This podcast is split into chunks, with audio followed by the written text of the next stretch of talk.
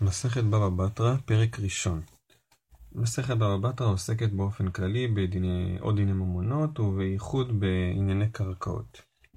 משנה א' השותפים שרצו לעשות מחיצה בחצר, בונים את הכותל באמצע. אז אנחנו נלמד בפרק הזה על אה, הלכות שותפות, שבהם אה, יש לנו שני אנשים שיש להם את אותו נכס, לצורך העניין חצר, ויש, אה, אחד מהם רוצה אה, למשל לעשות מחיצה. אה, שאלה היא האם הוא יכול לכפות את השני או לא. אז השותפים שרצו לעשות מחיצה בחצר בונים את הכותל באמצע. כאן מדובר שהם הסכימו. הם בונים את הכותל באמצע. כלומר, כל אחד צריך לתת חצי מהמקום. זה עדיין לא חידוש, הרי הם הסכימו. מקום שנהגו לבנות גביל, גזית, כפיסין, לבנים, בונים. כלומר, רגע, הכל כמנהג המדינה. כלומר, אה, כשהם הסכימו לבנות מחיצה, ואחד אומר לחברו, טוב, ממה נבנה את המחיצה? לא יכול אחד לכפות את השני לעשות מעבר למנהג המדינה. אם נהגו לבנות גביל, אז גביל. גזית, גזית זה אבנים מסודתות, גביל זה אבנים לא מסודתות. כפיסין זה חצאי לבנים, ולבנים זה לבנים שלמות, לבנה היא באורך של טפח וחצי. אז הם בונים, ו, ו, ובוא, ובוא נראה עכשיו מה אה, הרוחב שכל אחד חייב לתת. בגביל זה נותן שלושה טפחים, וזה נותן שלושה טפחים. בגזית זה נותן טפחיים ומחצה, וזה נותן טפחיים ומחצה. אז אה, מדובר כאן באבנים מסוטטות בגזית, אז מספיק אה, טפחיים ומחצה, כלומר בסך הכל חמישה טפחים רוחב. ואם מדובר בגביל, שזה אבנים לא מסוטטות, אז יש להם כל מיני בליטות, אז יוצא קצת יותר רחב, יוצא שלושה טפחים מכל אחד. בכפיסין זה נותן טפחיים וזה נותן טפחיים, בלבנים זה נותן טפח ומחצה וזה נותן טפח ומחצה. לבנה היא, ברוך, היא באורך של טפח ומחצה, לכן אם מדובר בלבנים אז כל אחד נותן טפח ומחצה ובאמצע טיט. אם מדובר בכפיסין, בגלל שזה חצאי אה, לבנים, אז צריך לעשות אותם, אה, לשים שם יותר טיט ולעשות אותם יותר יציבים. אז כל אחד נותן אה, טפחיים. למה? כי איך היו בונים גדר מכפיסין? היה אה, את החצי לבנה הזאת, שזה בעצם שלושת רבעי טפח. באמצע היה חצי טפח טיט, ועוד את השלושת רבעי טפח. ביחד שווה, שווה שני טפחים. לפיכך, אם נפל הכותל, המקום והאבנים של שניהם. כן, גם האבנים, גם המקום, אנחנו כבר יודעים מראש שהם נתנו כל אחד בשווה. רק נעיר שעל פי הגמרא מדובר כאן בחצר שאין בה דין חלוקה. במשנה ו' נראה מה זה דין חלוקה. כלומר, היא מאוד קטנה. ולכן לא יכול אחד לכפות את חברו לחלק את החצר. אז מה הוא כן יכול לכפות אותו? כלומר, ש... כלומר, אז למה הם רוצים לשים מחיצה? זה דין שנקרא היזק ראייה. הדין הזה הוא חשוב מאוד. ולכן למרות שהחצר נורא נורא קטנה, הם רוצים לשים אה, גדר ביניהם בגובה 4 אמות, שזה גובה לא מבוטל, וזה כדי שאחד לא יוכל לראות לתוך אה, אה, מקומו של השני. משנה ב' וכן בגינה, אה, גם כן, אה, מה שנהגו, אה, בצורה שנהגו לגדור, ככה גודרים. מקום שנהגו לגדור, מחייבים אותו, אבל בבקעה, מקום שנהגו שלא לגדור, אין מחייבים אותו. טוב, המשנה אה, מצד עצמה היא קצת לא מובנת, כי אם זה מקום שנהגו לגדור, ברור שמחייבים אותו, אם מקום שנהגו שלא לגדור, ברור שאין מחייבים אותו. ההסבר של המשנה הוא כזה.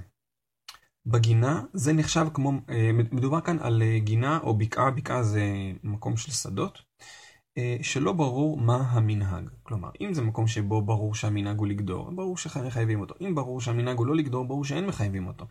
כאן, כאשר אחד מהם רוצה כאשר אחד מהשותפים רוצה לעשות גדר.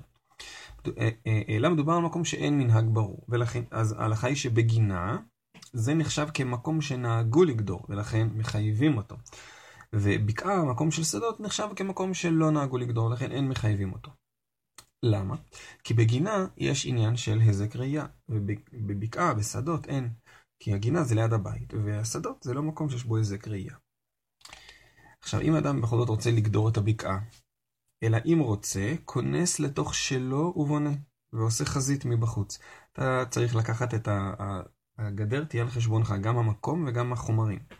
ועושה חזית מבחוץ. מה זה חזית? זה איזשהו אה, סימן היכר עם סיד, אה, כדי שיהיה ברור שהוא בנה את הגדר על חשבונו ועל חשבון השטח שלו. לפיכך, אם נפל הכותל, המקום והאבנים שלו. אם עשו מדעת שניהם, בונים את הכותל באמצע ועושים חזית מכאן ומכאן. לפיכך, אם נפל הכותל, המקום והאבנים של שניהם. אבל אם מדובר במקום שלא נוהגים לגדור, ולמרות זאת הם הסכימו לגדור, חשוב מאוד שהם יעשו חזית בשתי הצדדים, את הסימן הזה בשני הצדדים, כדי שאם זה ייפול, ידעו ששניהם ביחד בנו, והמקום והאבנים של שניהם. משנה ג' המקיף את חברו משלוש רוחותיו. וגדר את הראשונה ואת השנייה ואת השלישית, אין מחייבים אותו. כלומר, יש כאן אה, בשדות, אה, יש שדה של מישהו אחד ומקיפים אותו שדות של מישהו אחר. האדם השני, בעל השדות, אה, גדר את השדות שלו, ויוצא שהוא בעצם גדר את השדה האמצעית, הפנימית, משלוש רוחות.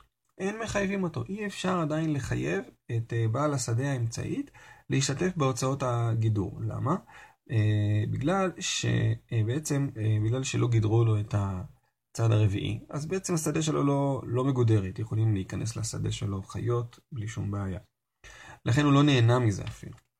מכאן אנחנו יכולים להבין שאם גדרו לו גם את הצד הרביעית, אז הוא חייב להשתתף בתשלום.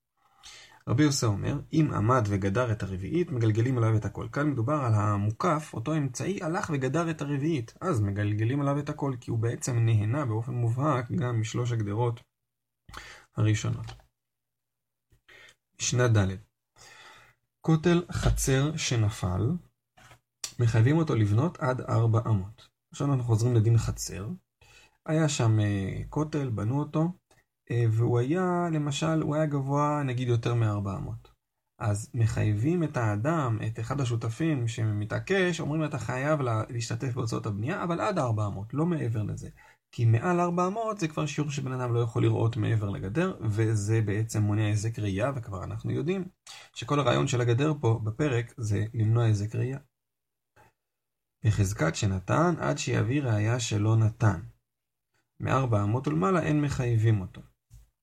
כלומר, אה, אם אה, נפלה, נפל הגדר, ואז אה, אחד בנה, והוא טוען שהשני לא ישתתף בהוצאות. אז ההלכה היא כזאת, עד גובה 400, השני בחזקת שכן ישתתף. ולמה? כי אותו אדם שאומר אה, שהשני לא, לא ישתתף איתו בהוצאות, מה הוא בעצם ממש חסר אחריות? הוא הלך ובנה גדר על חשבון עצמו בלי לתאם? למה שיעשה כזה דבר? הרי הוא יכול אה, לכפות את אה, חברו להשתתף. אז לכן לא סביר שזה מה שקרה, ולכן עד 400 באמת מאמינים אה, ל, ל, לשני, לנתבע, שהוא כן ישתתף. אבל מ-400 ומעלה אין מחייבים אותו. אין מחייבים אותו להשתתף בהוצאות. אה, ושמח לו כותל אחר, אף על פי שלא נתן עליו את התקרה, מגלגלים עליו את הכל. עכשיו, מדובר כאן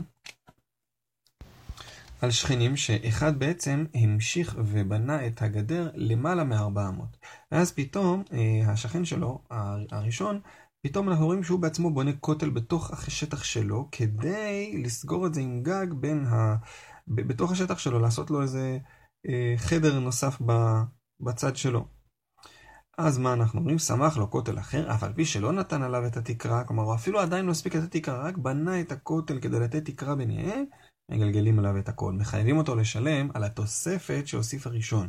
בחזקת שלא נתן, עד שיביא ראייה שנתן. ובאמת, הבן אדם שעכשיו כן פתאום אה, מעוניין אה, להשתמש בתוספת הזאת, הוא בחזקת שלא נתן, כי הוא לא היה מחויב לתת, עד שיביא ראייה שנתן. הוא בחזקת שלא השתתף בתוספת. משנה ה' כופים אותו לבנות בית שער ודלת לחצר. כאן מדובר על בני החצר, הם יכולים לכפות זה את זה, לכפות זה את זה, להשתתף בבניית בית שער, שזה הביתן לשמירה, ודלת לחצר. רבן שמעון גמליאל אומר, לא כל החצרות ראויות לבית שער. לא בכל מקום אפשר לכפות למשל לבנות בני בית שער, זה רק אם זה סמוך לרשות הרבים, וצריך באמת מישהו שישמור. המשך המשנה, כופים אותו לבנות לעיר, אה, לבנות לעיר חומה ודלתיים ובריח. רבן שמעון בן גמליאל אומר, לא כל העיירות ראויות לחומה. אז לפי תניא קמא, כל בני העיר יכולים לכפות זה, זה לבנות חומה, דלתיים ובריח. רבן שמעון גמליאל אומר, לא כל העיירות ראויות לחומה, אלא רק ראויות שסמוכות לספר. כמה יהיה בעיר ויהיה כאנשי העיר. כלומר, כמה זמן האדם הזה צריך לגור בעיר עד שאפשר להטיל עליו את המכסים האלה של העיר, את המיסים האלה. 12 חודש. קנה בבית דירה, הרי הוא כאנשי העיר מיד.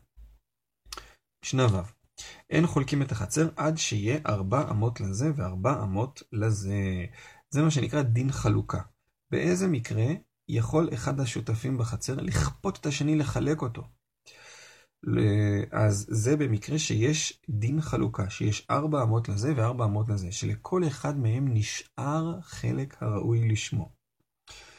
אה, דרך אגב, צריך גם שיהיה ארבע אמות מול כל פתח. ולא את השדה עד שיהא בה תשעה קבים לזה ותשעה קבים לזה. אדם לא יכול לכפות את אה, שותפו לחלק את השדה עד שיהיה לכל אחד תשעה קבים, הכוונה שטח שראוי לזריעת תשעה קבים של אה, זרעים. לצורך העניין זה 3,750 אמה מרובעות. רבי יהודה אומר עד שיהיה בה תשעה חצאי קבין לזה ותשעה חצאי קבין לזה, שזה 1,875 אמה מרובעות.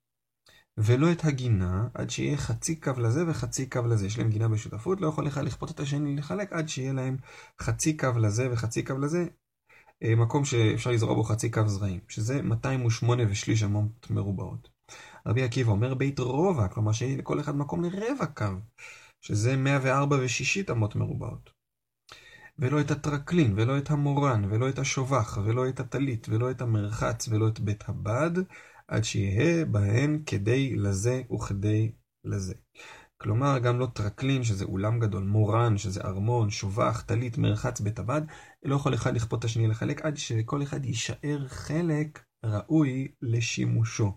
עד שיהיה בהם כדאי לזה וכדאי לזה. זה הכלל. כל שיחלק ושמו עליו, חולקים, ואם לאו, אין חולקים. אם נשאר שמו הקודם של אותו מקום עליו, למרות שהוא יותר קטן, עדיין נשאר שמו, אז יכולים, יכול אחד לכפות את השני לחלוק.